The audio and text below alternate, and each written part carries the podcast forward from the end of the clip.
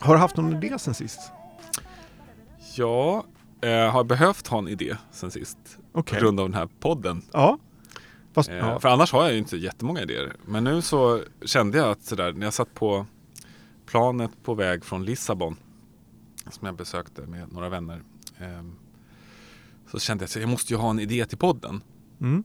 Och då kopplat till just resan så insåg jag att jag hade ett behov Okej. av någonting som inte finns. Och det som inte finns är, det- vi har varit inne på det tidigare, men någon typ av social tjänst för att träffa främlingar. Mm. Men inte bara grupp, utan individuellt. Alltså inte bara kompisar, utan bekanta. Eller bara någon som kanske visar en runt på stan. Alltså typ som turist. Så eh, kan man ju till exempel ha ett behov av så här, vad ska jag göra ikväll? Mm. Mm. Eller är det någon som vet mer om här Expo-området i Lissabon? Någon som vill gå en tur med oss eller någon som vill spela basket eller du vet. Eh, och det här är ju eh, som jag nämnt, det är utvecklat för till exempel dating. Mm. Men ett, ett behov av att träffa folk utan sådana förutsättningar. Liksom, Men jag trodde typ meetup var det, eller? Nej? ja, meetup är ju det, men det är ju grupp. Ah, okej. Ja, du menar där. Ja. Mer, mer så här, är det någon som är intresserad av arkitektur och skulle vilja gå på vandring i Skogskyrkogården? Mm. Eller är det någon som vill eh, spela tennis med mig imorgon? Alltså den typen, att man kanske är någon sorts tjänste tjänstapp kanske. Ja, just det. För jag märker att jag har sådana behov ganska ofta. Att jag vill göra någonting och sen så kanske man inte hittar någon som vill göra det. Och så vill man ändå, ja, men så, så man bara gör det utan att det är några no strings attached. Nej. Vi kan spela lite basket. Ja, just det. Men det ska vara liksom du och en annan person. Ja, eller två. Eller att vi är en grupp. Men om det är grupp, då är det meetup, eller? Nej? Nej, alltså, man behöver på Meetup måste man starta en grupp. Aha, Och så blir det regelbundenhet. Ja, ja, ja. ja. Den här är mer så här spontant. Ja, tänker jag. Att, Ja. Har inte du det här behovet ibland? Nej, Jag, jag är så, jag är så, vad ska man säga, solitär så att jag har aldrig, asocial, så att jag, jag har aldrig det behovet. Men jag, jag, det är klart, om man skulle komma till en ny stad så skulle man kanske, om man känner så här, jag skulle vilja ha en, en någon som guidade mig på det här eller tog, så här. Det, det är klart det skulle, skulle kunna finnas där. Frågan är om det måste vara pengar inblandat kanske. Jag tror inte det. Jag skulle inte vilja att det var det. Jag skulle vilja Nej. att det var lite som couchsurfing var. Att man delar soffor med varandra och det är gratis. Och det, grejen är att det är gratis. Att man kan komma hem till någon. Jag bodde i Bombay hos en journalist från, ja, från Indien som bara lät oss bo där. Han sa att det var henne, hans sätt att resa på. Mhm. För det var så dyrt att åka utomlands för honom. Så att han lät folk komma till honom istället. Och så fick man bo på hans golv. Mm. Liksom. Ehm, Så det, det, är liksom, det är någonting, en morph av saker som redan finns. Men just det här finns inte. Och, och som turist eller flykting eller expat så är man, kan man ju vara ganska ensam Mm. i ett land. Och ja, ha det behovet. Mm. Och så någon sorts liksom, Men tror du att man skulle liksom utveckla det inom ramen för en, någon befintlig tjänst eller nej jag tror att det här skulle behöva vara en, någon attachment på Airbnb kanske? någon, ja. Mm, Airbnb, meetup. Det, alltså det, I så fall kräver det att tjänsten redan har ganska många användare. Kan vara Facebook. Ja, just det. Ehm, för att jag, jag tycker att det, det, finns jättemycket olika så här datingtjänster. Mm. Och de konkurrerar hårt med varandra. Och jag tror inte det är så bra att kombinera de här två olika världarna. Med de här, ja men typ, typ dating. Att man Nej. skulle träffa. Måste, då, då finns det en så här, en, Men då måste det vara ganska tydligt då att det inte handlar om Nej att, men precis. Utan det här ska absolut inte handla om det. Det finns Nej. tjänster för det. Om man nu är ute efter, efter Ja. det. Men det kan vara till exempel som att vi var Vi var, hade en utekväll i Lissabon och fick tips om så här, det här är stället man ska gå på. Just ikväll är det sista kvällen. Det kan, kan vara bra att veta liksom. Det vet Mm. man ju inte om man inte är Mm. lokal. Mm. Ehm, så att ja, är det bara jag som är så? Nej, men jag tror nog att folk som kanske reser och eh, jobbet eller någonting så här, kommer till en ny stad som Ja. plötsligt så här, får för sig att eh, jag kan inte bara sitta på hotellet ikväll, jag vill göra något kul. Hur tar man reda på det då? Det är klart det finns ju massa så här antagligen på gång i staden X på nätet. Men frågan är, då är det mer då, är, då är det inte de här individuella rekommendationerna utan då är det Mm. liksom ställen som har köpt plats. Ja men precis, tänk att du är affärsman och reser i tjänsten. Du är flygvärdinna och reser i tjänsten. Mm. Det, det finns ju situationer när man sitter där på ett hotellrum. Till exempel. Eller att man bara eh, är ny i en stad, känner ingen. Och så föreslår man någonting. Mm. Och inte den här premissen då att det finns någon Dels pengar, dels kanske att man tror att det ska vara Mm. något romantiskt. Liksom. Ja precis, det måste vara tydligt att det inte handlar om det. Nej. Det, eh, ja. Och att eh, på vår resa så träffade vi lite lo lokala personer och det bidrog väldigt mycket till resan. Att annars, jag, ty jag tycker, jag ska sä- säga att här, jag lider av flygskam, absolut. Men en rivaliserande tanke är att det är så himla viktigt att världen möts. Mm. Och att, ja men till exempel när vi var där nu så, så var det, det, det är ju bara kort tid efter att de här svenskarna blev mördade i Belgien. Mm. Så vi vågade inte säga att vi var svenskar. Nej. För vi bodde på en gata med väldigt många arabiska män i en viss ålder som inte vi visste riktigt vad det var för typ av gata. Och vi, vi blev också varnade av taxichaufförer att så här, oj, ni bor vid den gatan. Mhm. Ta det försiktigt grabbar. Mm. Så vi var från Norge Okej. den här resan. Eh, och bara det. Och, men sen så pratade vi med några och plötsligt så kom man liksom, ja, fick större förståelse av varandra helt enkelt. Så Mm. det, det här med möten är ju viktigt. Absolut, visst är det det. Jag har på känn att du också har en idé, Anders. Mm. Jag har en idé, en snodd idé. Eh, men som jag har tänkt på ganska många gånger och eh, mm, jag, tittade, jag, fick, alltså jag såg ett, ett, en tv-serie för kanske 20, 15-20 år sedan, en engelsk, BBC. Eh, Mm. En dokumentär som heter A Picture of Britain. Som en jätte, vad jag förstår, känd, eh, känd programledare i England som heter David Dimbleby som åker runt i Storbritannien och eh, beskriver liksom landskapet runt om på olika delar av landet. Och eh, han gör det genom eh, konstnärer, musiker och författare. Hur de har tolkat landskapet på olika ställen i Storbritannien.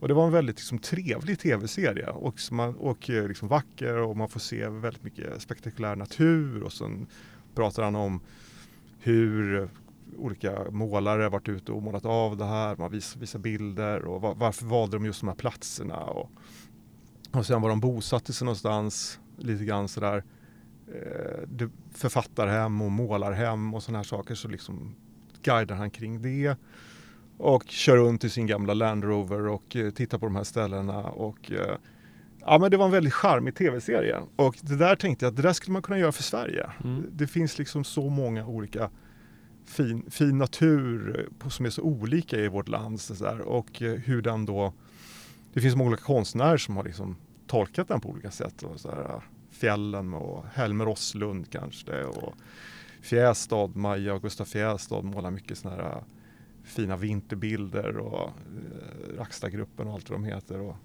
ja, och, och även författare då. Eh, och det finns massa olika sådana författarhem och sådär. Vi var ju på något också. Ja, ja, men hur, hur gjorde han det då? Alltså att om en författare har beskrivit Ja, men han, i han gick text. runt liksom i, i, han går runt i, i olika landskap och så. Den här tv-serien vet jag finns på Youtube nu. Eh, så att man kan, man kan se den om man vill. Men han går runt och berättar att här fick han eller hon inspiration till att skriva de här. Han pratar om systrarna Brontë liksom, och eh, Wuthering Heights uppe på hedarna och, och sådana här saker. Och, och går, går i de miljöerna som de beskriver i sina böcker. Och han, han tar den med på så att säga, eh, ja, historiska ställen men också kanske lite moderna ställen. Men det, det är liksom på något sätt en hyllning till landskap.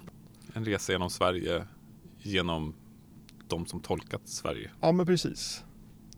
Ja, Ja, Gränna, äh, inte Gränna, ja Gränna hade varit fint men äh, Vadstena kan vara fint. Ja, men, och äh, jag, tänk, jag tänker vi, det här avsnittet, vårt äh, spin-off avsnitt där vi åkte på roadtrip ja just i det.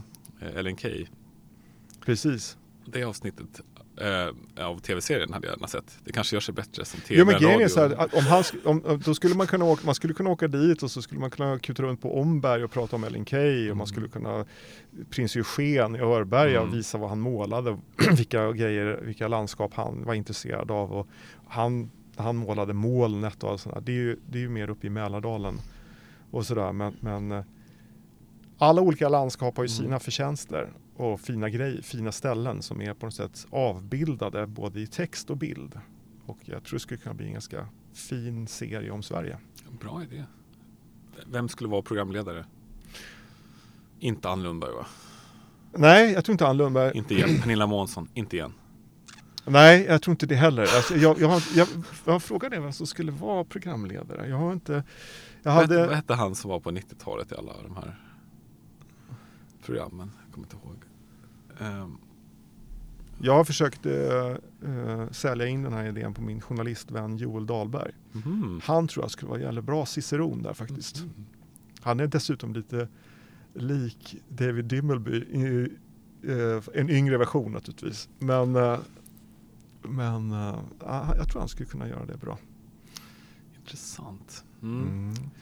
Ja, alltså risken är ju att det blir Ann Lundberg hur du än gör. Hon tar ju alla de där serierna. Ja, men nu, ja, jag, jag, jag, vet inte riktigt. Hon kanske skulle göra ett jättebra jobb. Det handlar om att skriva ett bra manus till det här och, så, och välja Mm. bra ställen.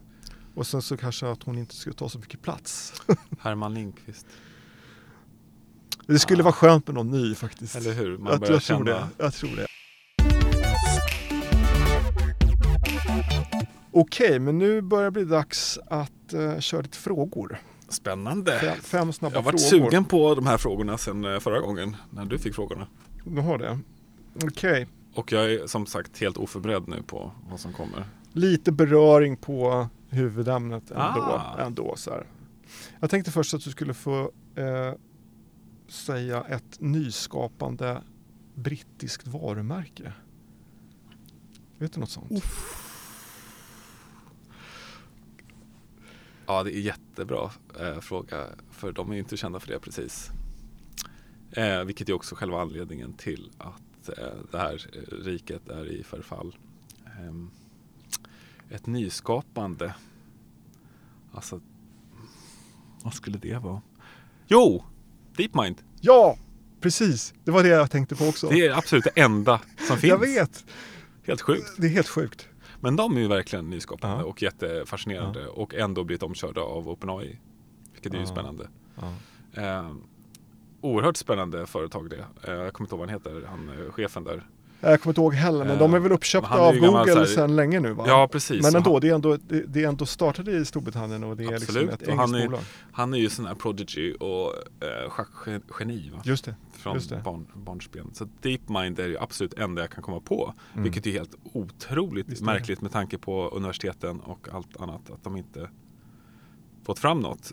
Eh, alltså någon sorts sidospår där är att man pratar ju det här med Kinas fram, framväxt och annat. Eh, Ja, de Men- spottar ur sig Ja. bilar och grejer. Men, och, men det är ju inte på USAs bekostnad. Det är ju Nej. på Europas bekostnad. Det är det som statistiken visar. Ja. USA går jättebra, Kina går jätte, eller ja, över tid jättebra. EU och Europa har tappat jättemycket. För att det finns ju nästan inga företag. Nej, från- fast å andra sidan, EU. jag, jag kan tycka Och- så här, vi, vi har ju en del nyskapande varumärken i Sverige ändå. Så Ja, vi har ja. Spotify, Och här. eh, det Men finns några i Holland eh, och sen är det inte så många. Nej, men det är lite fascinerande det där med, med Storbritannien. att Det är svårt att hitta någonting som känns så här modernt eller Ja. nytt. Eller liksom så här, gå i bräschen för någonting. Ja, nästa fråga. Ja, eh, shit, jag måste eh, väcka telefonen. Skoluniform, vad tycker vi om det? Jag, jag såg ett föredrag igår. Eh, Sara Örvall eh, pratade om framtiden och, eller framförallt nu, nuet. En lite inspirationsföredrag där hon hävdade att svenskar var de mest grupptänkande folk, det mest grupptänkande folket i världen. Vi, vi är ju högst upp på den ni alla har ju sett den här grafen över hur sekulära vi är och individualistiska det vi är. Och hon menade att det var, det, det var tecken på att vi var ännu mer eh, liksom, slutna till gruppen. Att vi måste ha gruppen för vi har inte vi kan inte bara luta oss tillbaka mot traditioner och annat utan vi Mm. har bara varandra. Mm. Att vi får status liksom, i, gentemot varandra. Och om man bara tittar på det så hade det ju varit ganska praktiskt att man hade skoluniform. Å andra sidan har man ju redan skoluniform, typ jeans och t-shirt. Jo, jag fast det kommer gäller ju att ha rätt jeans och rätt Ja, t-shirt. Jag kommer ihåg när, en gång i skolan när vi pratade om det där och så såg man sig omkring i, i rummet så alla hade jeans, t-shirt och någon tröja. Ja, Och, det var, och så- och sneakers. ja. Så att det är ju Ja. ganska lätt att passa in om, man, nu- om det är det som är syftet. Så jag, jag, är jag är emot. Du är emot? Ja. Bra. Eller bra, ja du är emot. Eh, Okej, kan du ge tips på ett brittiskt band eller artist som man inte får missa?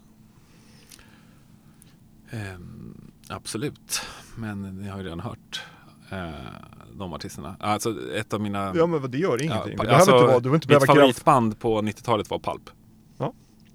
Eh, och det tycker jag inte man, de ska man inte missa. Och eh, alltså min favoritskiva är nog ändå This is Hardcore. Men jag tyckte den här We Love Trees som kom efteråt som ingen lyssnade på. Eh, den, har en, den har stora poänger. Jag, jag lyssnar jättemycket på Britpop på 90-talet. Mm. Jag lyssnar ju fortfarande mycket Mm. på det.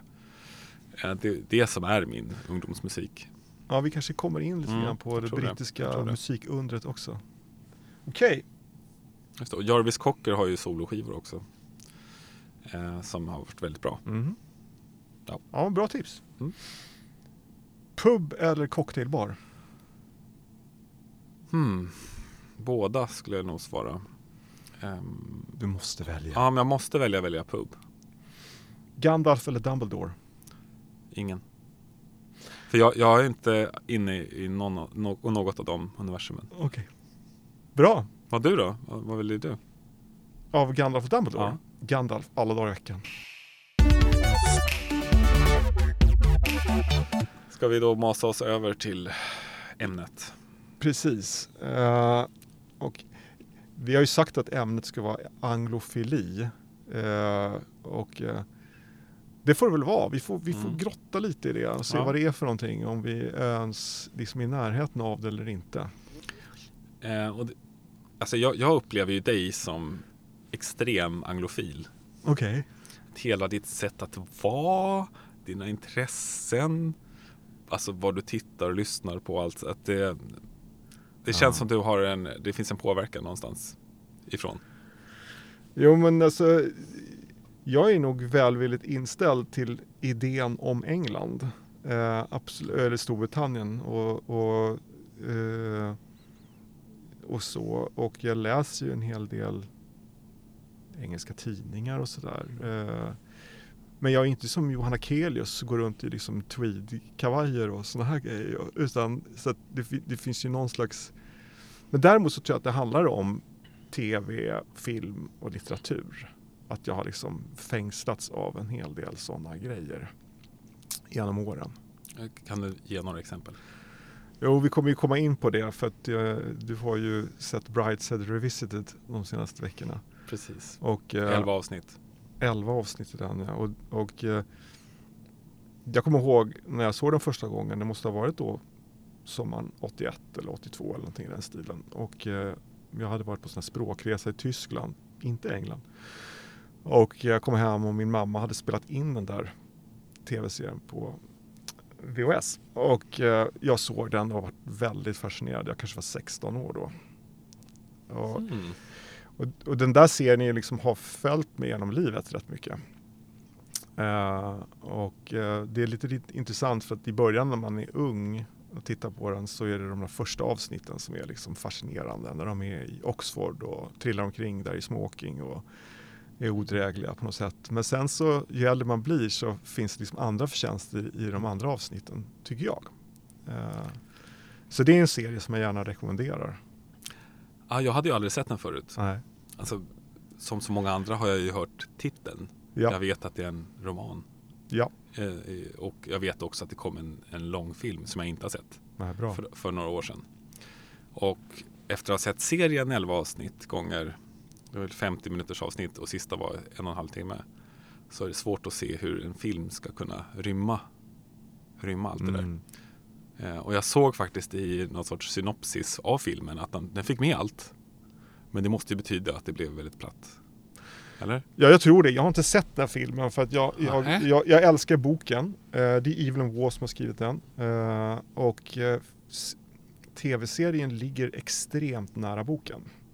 Det är liksom Mm. ordagrant Ja, manus precis. i Jag, jag tror att dialogen kommer. De har, alltså, dialo- det står eh, en manusförfattare som har skrivit dialogen. Mm. Men det kommer direkt från boken säger Mm. de. Alltså, de, de har inte hittat på Ja, men något. det är, nej, allt är med i boken. det är ju rätt ja. ofattbart ändå. Och boken kan jag verkligen rekommendera att läsa Mm. för den är liksom skriven på en fantastisk engelska, väldigt lättläst. Och, och, och den är inte speciellt lång och sådär. Eh, men den innehåller jättemycket. Ja, men den är fantastisk. Men om man ska sammanfatta vad, vad det här är för någonting. Kan du hjälpa till? Ja, rent liksom storymässigt så är det, handlar det om en kille som heter Charles Ryder. Man möter honom under andra världskriget i England. han plötsligt blir stationerad vid ett slott som han när han kommer dit känner igen att han har varit på mycket när han var ung så att säga. Och eh, sen kastas han tillbaka till 20-talets England eller runt slutet av, ja, efter andra världskriget, eh, första världskriget, slut De är 20-talet. 19 år gamla och sånt där Ja, när de kommer till Oxford. Och han, han studerar konst där, Charles Ryder, och han, han hamnar liksom med det intellektuella gänget först. Lite sådana här filosofistudenter och sådana som st- studerar litteratur och sitter och röker pipa och sådana saker. Men han får upp ögonen för de här eh, lite mer extravaganta adelsmännen som festar och håller på och eh, lyckas Mm. på något sätt av en slump hamna i det gänget. Då. Och det börjar med att i serien då att Sebastian, den här docklika varelsen eh, som är blond och väldigt liksom Söt och söt och nätt Ja. och alltså, allt med honom är. Men han kräks, han lutar sig in genom Charles fönster och kräks på golvet. Mhm. Det är det första, hans entré in i serien. Det. Så det är ganska vågat bara där. Mm. Eh, och trots detta så blir ju Charles helt förälskad i Absolut. Sebastian. Alltså, något som slår en när man tittar. Alltså jag har ju sett hela den här serien med dina ögon. och tänkte, okej, vad är det Anders går igång på här? Mm. Hur har han sett det här? Mm. När jag vet att det här är liksom något som har format dig i den här serien. Eh, och jag måste säga att det här är mest erotiskt laddade serien jag har sett. Som inte, det, är inte, det finns, får ingen, ja, spoiler alert, men det, det, de är ju heterosexuella, eh, officiellt i alla fall, i, i serien. Ja, och, och grejen är så här, jag upplever ju den här mer som att han, han blir fascinerad av Sebastian, det är inget snack om saken. Eh, och det är inte så svårt att bli. Eh, eh, mm, men sen går det ju ganska snabbt det att han ändå jag tror att det är när de har, lärt, när de har känt varandra en, en tid så är det så att han under något sommarlov får komma och besöka Sebastian på deras slott så att säga. Och då är bara han och hans syster där. Och, och det är ju s- systern han också blir förälskad i också samtidigt. När hon hämtar honom där på stationen Ja. och ber honom tända en cigarett åt honom. Och han gör det. Och, och det är liksom, Men jag, jag upplever det snarare som att hon är ett substitut för Sebastian. För Sebastian kan man aldrig få. Och Nej. även hon vill ha Sebastian. Alla vill ha Sebastian. Det finns någonting över honom som är otroligt tilltalande och jag har försökt fundera, alltså, för att han är odräglig. ja. Det finns ingenting i sak som är tilltalande med honom. Nej. Han super ju hela tiden. Han bryr sig inte om någon annan. Han, han bara, han kastar ur sig exakt vad han tycker i alla sammanhang. Han är en liten prins. Ja. Fast sen går det ju hyfsat fort ut för, Ja. för honom och, och även i Charles ögon så, säga, så, så blir det ju som att han inser att den här killen är räddningslöst förlorad egentligen men han kan inte ja, han kan inte överge honom ändå. Nej. Och, och så att det är heter han, Jeremy Irons Mm. som spelar eh, Charles. Och det är samma skådespelare genom hela serien. Mm. Som spelar mellan 19 och kanske 45 års ålder. Mm. Och det är så fascinerande hur Jeremy Irons faktiskt känns som 19. Mm. Fast han ser inte alls ut som 19. Nej. Men han spelar 19 så tro, trovärdigt. Han har så stora ögon plötsligt. Och, liksom, och är så naiv och öppen. Och sen plötsligt så har han skaffat sig mustasch och skägg och, och fått lite gråa stänk i håret och ser verkligen ut som 45. Ja. och rör sig Men Sebastian återkommer inte i serien sen. Ja, nu är det, ja, vi har avslöjat allting. Ja, men, men, att till viss del gör han ju det lite grann, men, men han, han försvinner liksom han försvinner, som han karaktär. försvinner. Och det, Ja, det handlar, det handlade sen om honom. handlar det ju om på något sätt att Charles kommer ju in i den här familjen som, som eh, eh, dels består av en ganska dominant mamma och sen så är det Mm. då Julia, systern som det. är så lite grann som Sebastian, är liksom är lite flärdfull men mycket mer kontroll ändå. Och sen så har den, den lilla systern det. och eh, den äldre brorsan Bridie som liksom är den som ska ta över och sådär.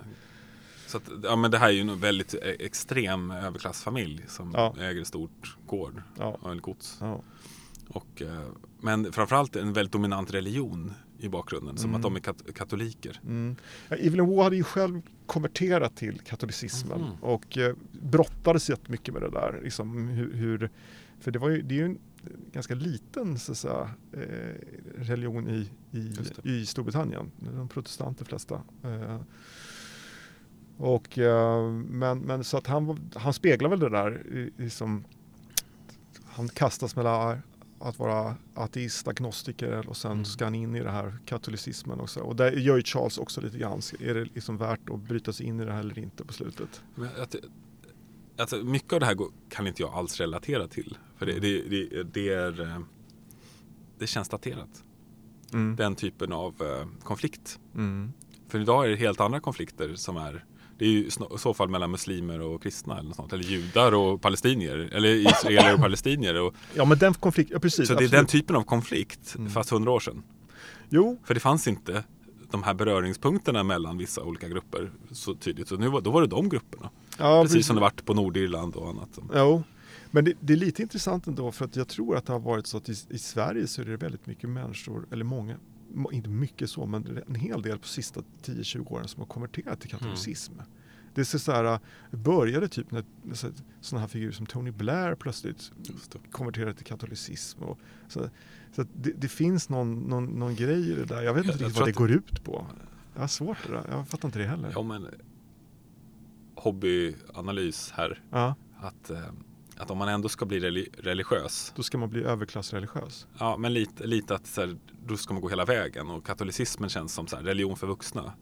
Ja. Medan, när man, då gör man det verkligen. Medan eh, alltså, den svenska kyrkan och Ja. protestantismen ja, har lite, lite bredare Ja, ja. och mjukare och allt, allt passerar. Medan katolicismen har de här raka Jo, det kanske är så. Det är det här som gäller och det är Ja. lite skönt tror jag. Jo men det är ju så att den gamla Lord Marchmain som, Mm. som Sebastian och Charles åker och hälsar på nere i Venedig.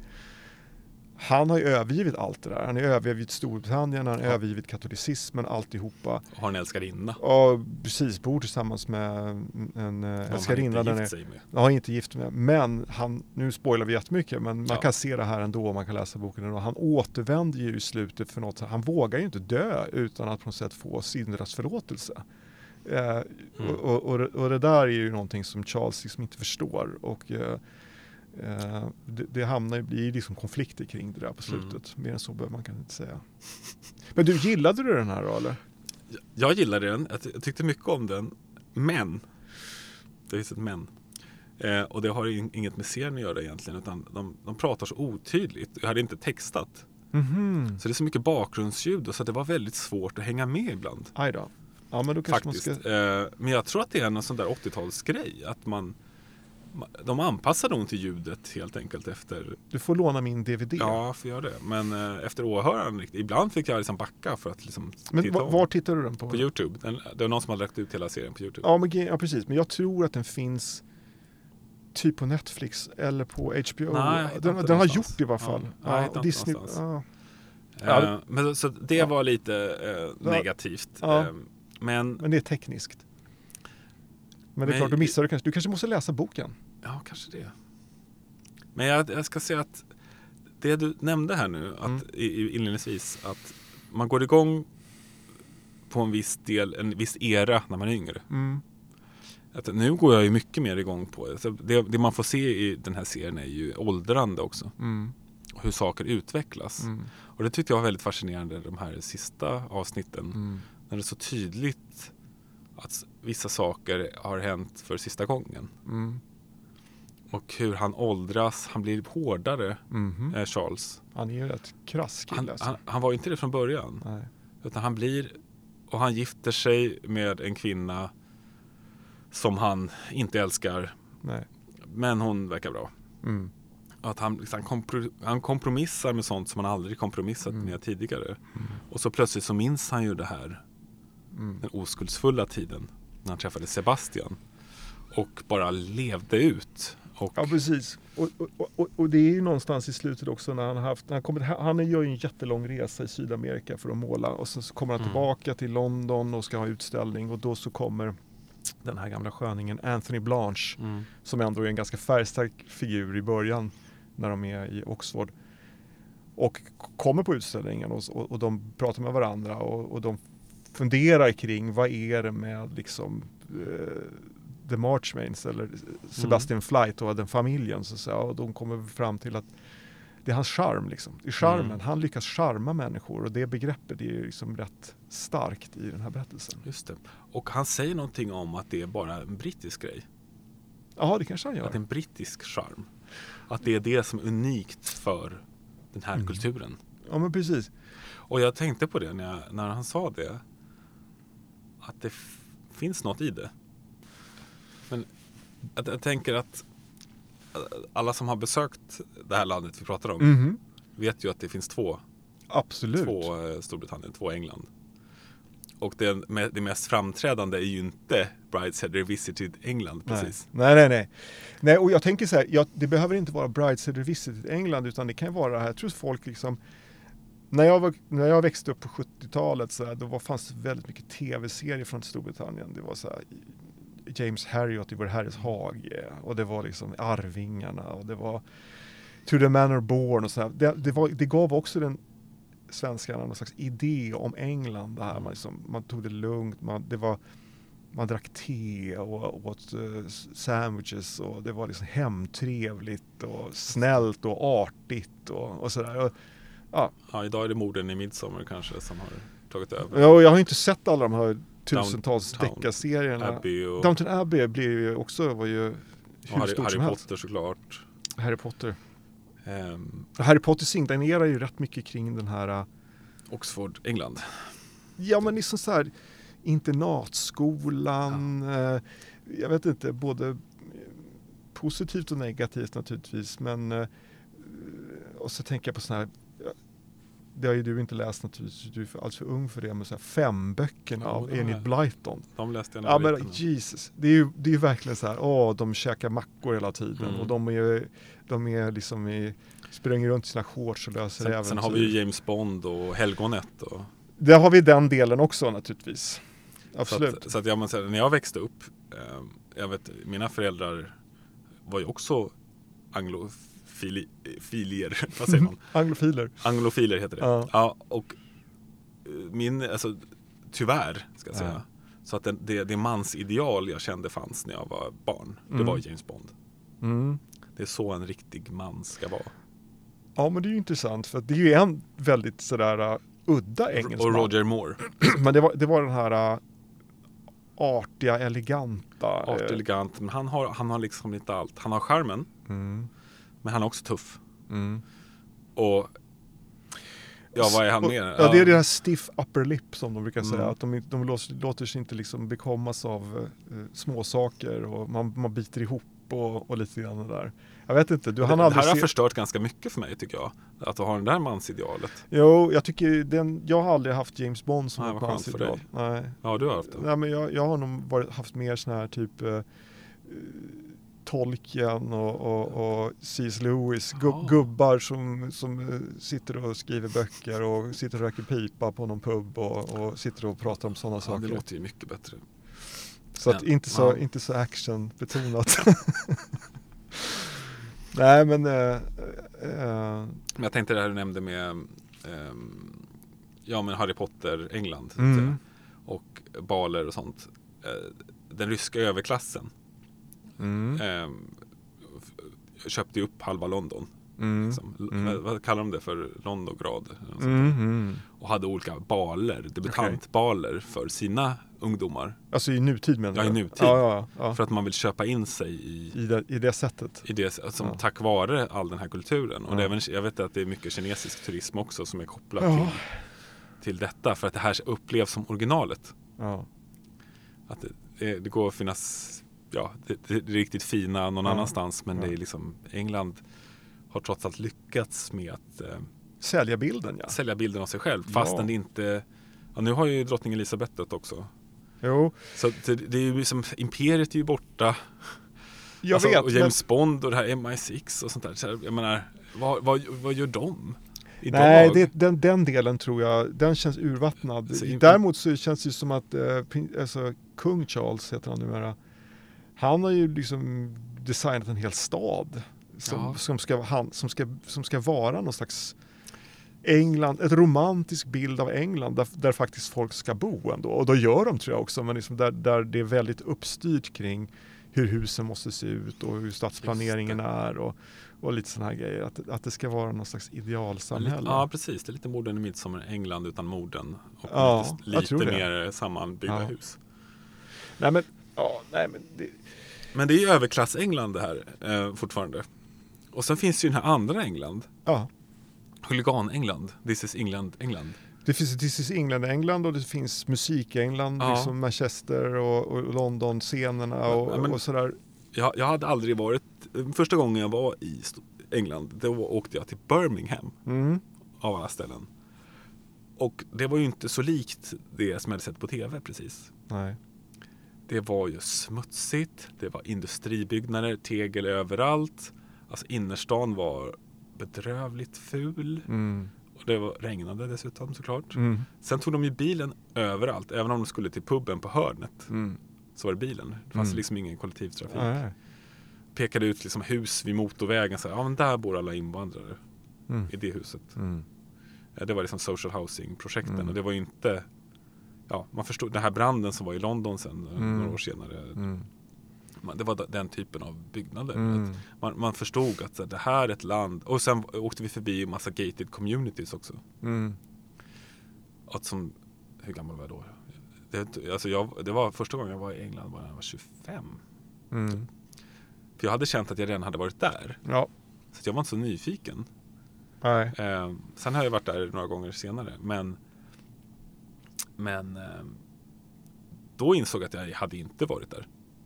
Nej men det är ju, så är det ju verkligen. Man behöver ju bara liksom gå, gå runt i London i ett vidare perspektiv så ser man ju liksom alla delar av Englands, eh, det Men de moderna England. klassklyftorna Ja, ja, är ja. ju ofattbart stora om man är svensk.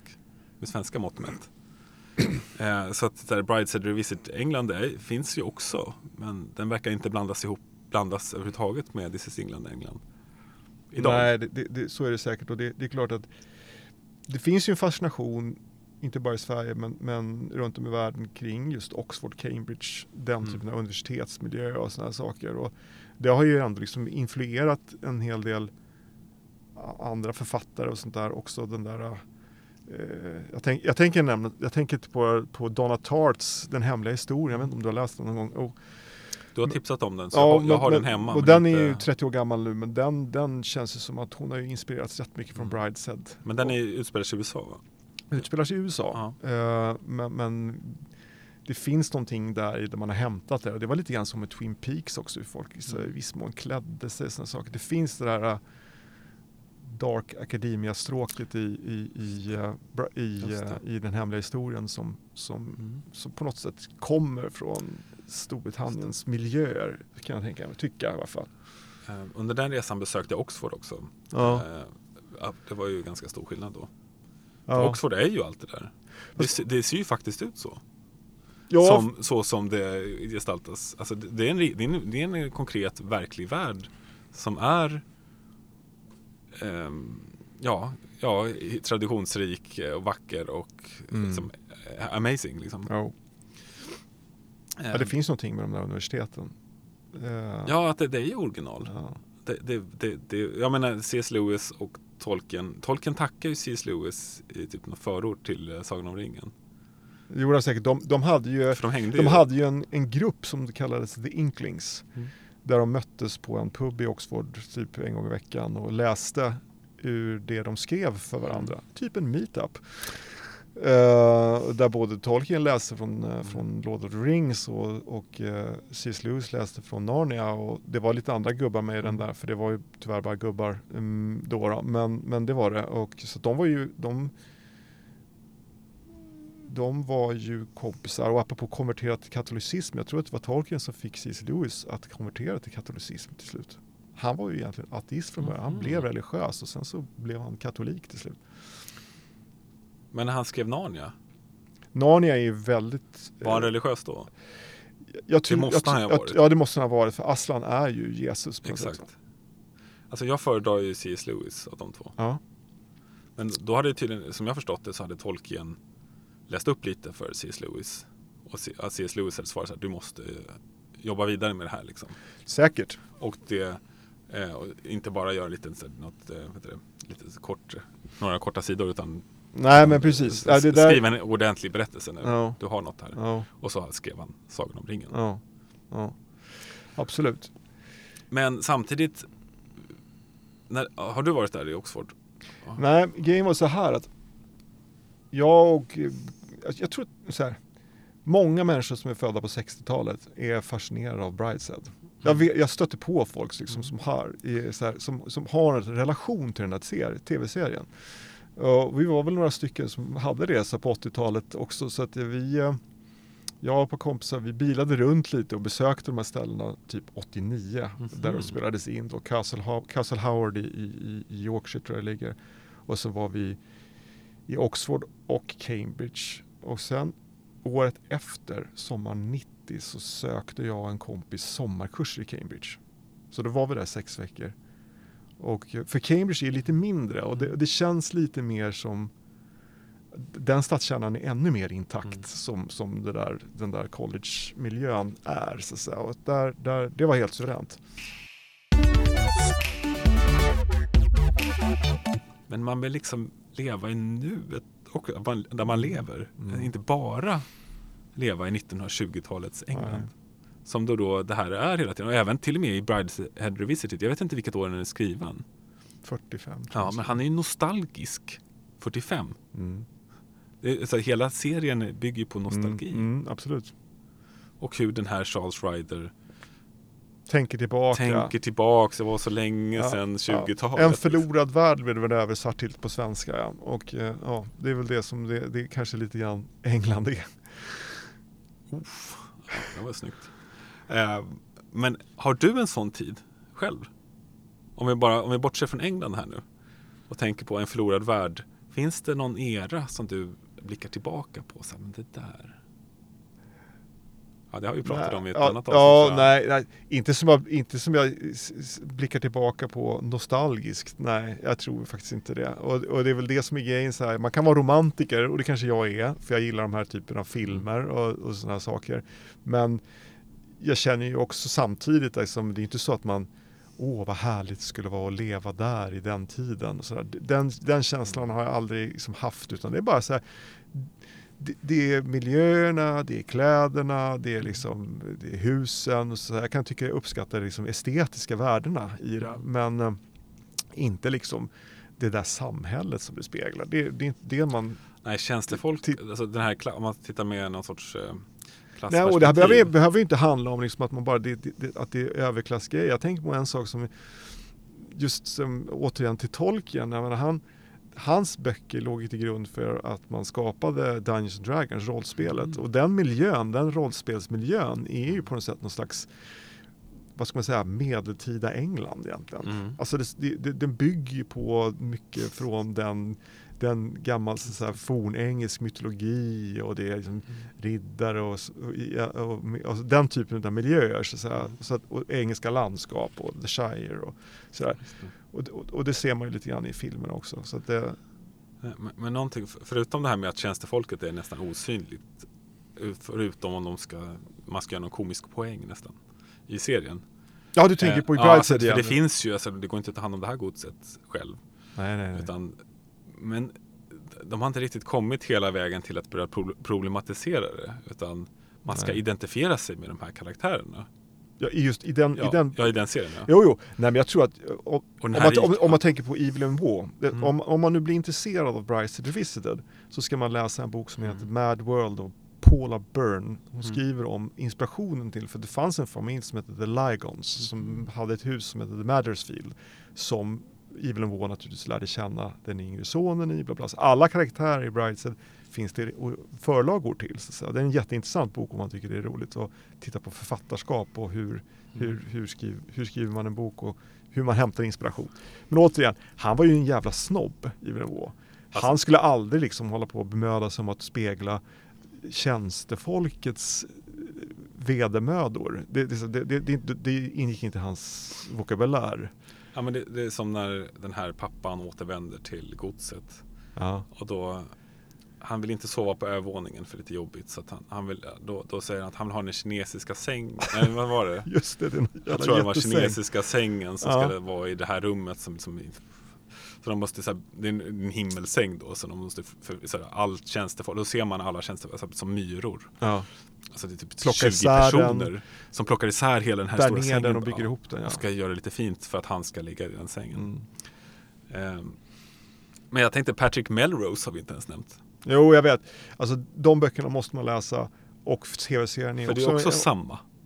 samma Ja, f- Även om det är modern tid så det, jag tycker jag att det är samma jo, han rör sig... typ Jo, av den, eh, person igen. Det är liksom en Ja det kanske det är, men, men den är så jävla mörk eh, i, i det här att han, ja, det ska inte av, men, men han har ju en barndom som är brutal. Ja. Mm. Det handlar ju om hela tiden, han återvänder ju bara till den hela tiden. Mm. Mm. Men det är Den klart finns ju att på han, HBO va? Som serie. den finns på HBO.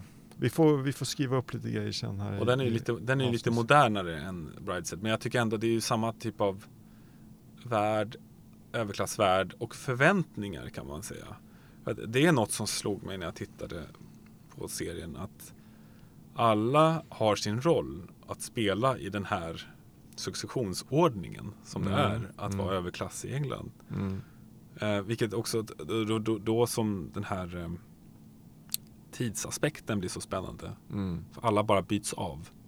Mm. Nu är det du som är lord. Mm. Det, är nu, det, är du som ska ta över godset. Det Mm. finns inga val riktigt Nej, nej, nej, nej. för de här personerna. Nej, nej, precis. Utan de fostras in i ett något Jo, befintligt. Ja, Apropå precis. det här vi sa om att svenskar var individualistiska Mm. så är det här motsatsen. Mm. Det finns inga val. Visst, du, du, alltså, du kan ju välja yrke och så. För yrket spelar ingen roll. Du är fortfarande samma. Ja, du tänker när Ja, det men gäller... Charles Ryder han är målare men det spelar ingen roll. Det är bara något att göra. Ja, fast han är ju inte Lite överklass. outlier. Han är ju, han är ju, han är ju medelklass Nej, i han England då. Jo, alltså, jo, han ska nog försöka svara det. Eh, Re relativt, men Ja, men han, han har ju, hans alltså, pappa där och ja, han, jo, hans pappa där, men, men han har ju fortfarande en begränsad budget som han liksom gör av med varje termin så han ligger i hård skuld var, när varje termin är slut. att, dricker ju så mycket champagne. ja, det gör ju det. Det kostar. hur har de råd? Jag vet. Bara Nej. flaska efter flaska efter flaska. Alltså. Ja. Nej men han har ju inte råd. Han, hans Nej. kusin Jasper kommer ju dit och, och Ja, han ska bjuda det, honom det. champagne klockan två på eftermiddagen och, och sådär. Och han visar sina nya vanor men, men, han, men han gör ju av med alla pengar hela tiden. Och är, har skulder till skräddare och allt vad det är. Alla de här karaktärerna i den serien eh, sitter ju rätt säkert. Alltså den handlar ju inte om det eftersom de sitter alldeles för säkert. Mm. De är inte klättrare. Den enda Eh, som idag- klättrare, i- den som klättrar där det är ju Rex Mortram, han som gifter sig med Julia, den här det, amerikanen. ja. Mm. Han är ju, och han är ju en befriande karaktär i den där i boken och, se, och serien i det att han på något sätt han struntar i alla konventioner och han, han är inte liksom ödmjuk inför någon. eh, Ja, han och- kan och konvertera försöker- till katolicismen om det Han- behövs. Ja, han gör det för att det- det måste för att han ska kunna gifta sig med henne. Men, utan han, är, han är ganska, han är ganska, så att säga, han är en ganska obehaglig typ onekligen. Men, men han är ju väldigt väsensskild från de andra. Han är ju han är ju en klättrare. Mm. Ja, det är sant. Jag tänkte lite grann på det här med, med eh, att, att spegla tjänstefolk och sådär. Vi pratade om det i Brideshead så är det ju så att han, han tar inte upp den aspekten överhuvudtaget. Men det finns en fascinerande bok som heter The Remains of the Day av Kazuo Ishiguro. Som eh, han skrev, han debuterade med den här romanen. Han, han, han, jag tror han flyttade till eh, England när han var fem år och han han är ju som en engelsman. Eh, och, men det som var intressant med den boken, han, han skriver ju om en butler och det här att liksom vara tjänstefolk. Det är det den, alltså, being service handlar den boken om väldigt mycket och, han, och, och, och hur de så att säga eh, gör sig själv osynliga på det sätt vi pratar om att det, och liksom bara verkade i kulisserna. Den, det är en väldigt hemsk, hemsk bok på det sättet. Så han tillintetgör sig själv den här människan egentligen. Och det handlar rätt mycket om det. Uh, och hur de, den här lorden som han, som han liksom är butler åt, vilket ärkesvin han är egentligen. Mm. Uh, och, och hur, uh, hur han kommer undan med allting egentligen. Det är det. Så det, det, det, är en, det är en fascinerande bok på ämnet. Uh, och som sen blev en film som är väl mer som en romantiserad film med Anthony Hopkins och Emma Thompson. Men den går att se den också, den är bra filmen men, men boken ska man, den kan man läsa. Den är speciell. Eh, det får, ju, får en ju att tänka på så här, vad, vad, är det som är engelskt? Ja, precis. Eh, för, för det som vi kommit fram till är ju att det är en mer ett minne av någonting eller en känsla än vad det är en hudfärg till exempel. Mm, mm. Jag tänker, vem är premiärminister i England idag? Mm, mm, Han är ju alltså så engelsk man kan vara, Rishi Sunak. Ja, ja verkligen. Han är ju den typiska engelska premiärministern på många ja. sätt. Ja, han speglar väl det moderna England. Ja, kan precis. Man tycka. Sen, sen, sen vet jag inte hur hans politiska åsikter gör det, men, men liksom ändå att han är det, det mångkulturella England som, som det har varit de senaste 40 åren. Precis, 40, ja, hur, hur länge som helst. Så de är lite före oss mm. i den här mm. integrationsprocessen. Mm. mm. Där han, ja, han är väl född i England, men antar, ja, han har ju i alla fall indiska föräldrar. Mm. Eh, och han är gift med en indisk, har en indisk fru som mm. var dotter till en miljardär. Och, mm. Eh. Ja. ja. Och eh, Nej, men han, så, han tillhör väl, återigen, men det är apropå just det där med eh, deras statsbildning och, och de som blir ministrar. Så där, alla kommer från någon slags Ox, Oxbridge-elit. Det har alla, alla premiärministrar gjort de senaste Ja, hela, det finns väl ingen som kommer, inte mm. kommer ur det där, men det gjorde ju Tony Blair också. Och, och, och, även Rishi Sunak naturligtvis. De har ju det där konstiga uppdelade systemet med House of Lords också. Det känns lite antikverat. Ja, det är ju helt ofattbart ändå, ja. hur de att ingenting någonsin moderniseras i grunden. Människorna verkar ju moderniseras lite grann mm. men systemen är ju det samma, mm. samma vanliga. Um, så det är lite fascinerande hur uh, de själva lever upp till idén om England. Mm. De upprätthåller idén mm. fastän inget annat finns kvar. Nej. Alltså det är som en släktfest där alla är döda.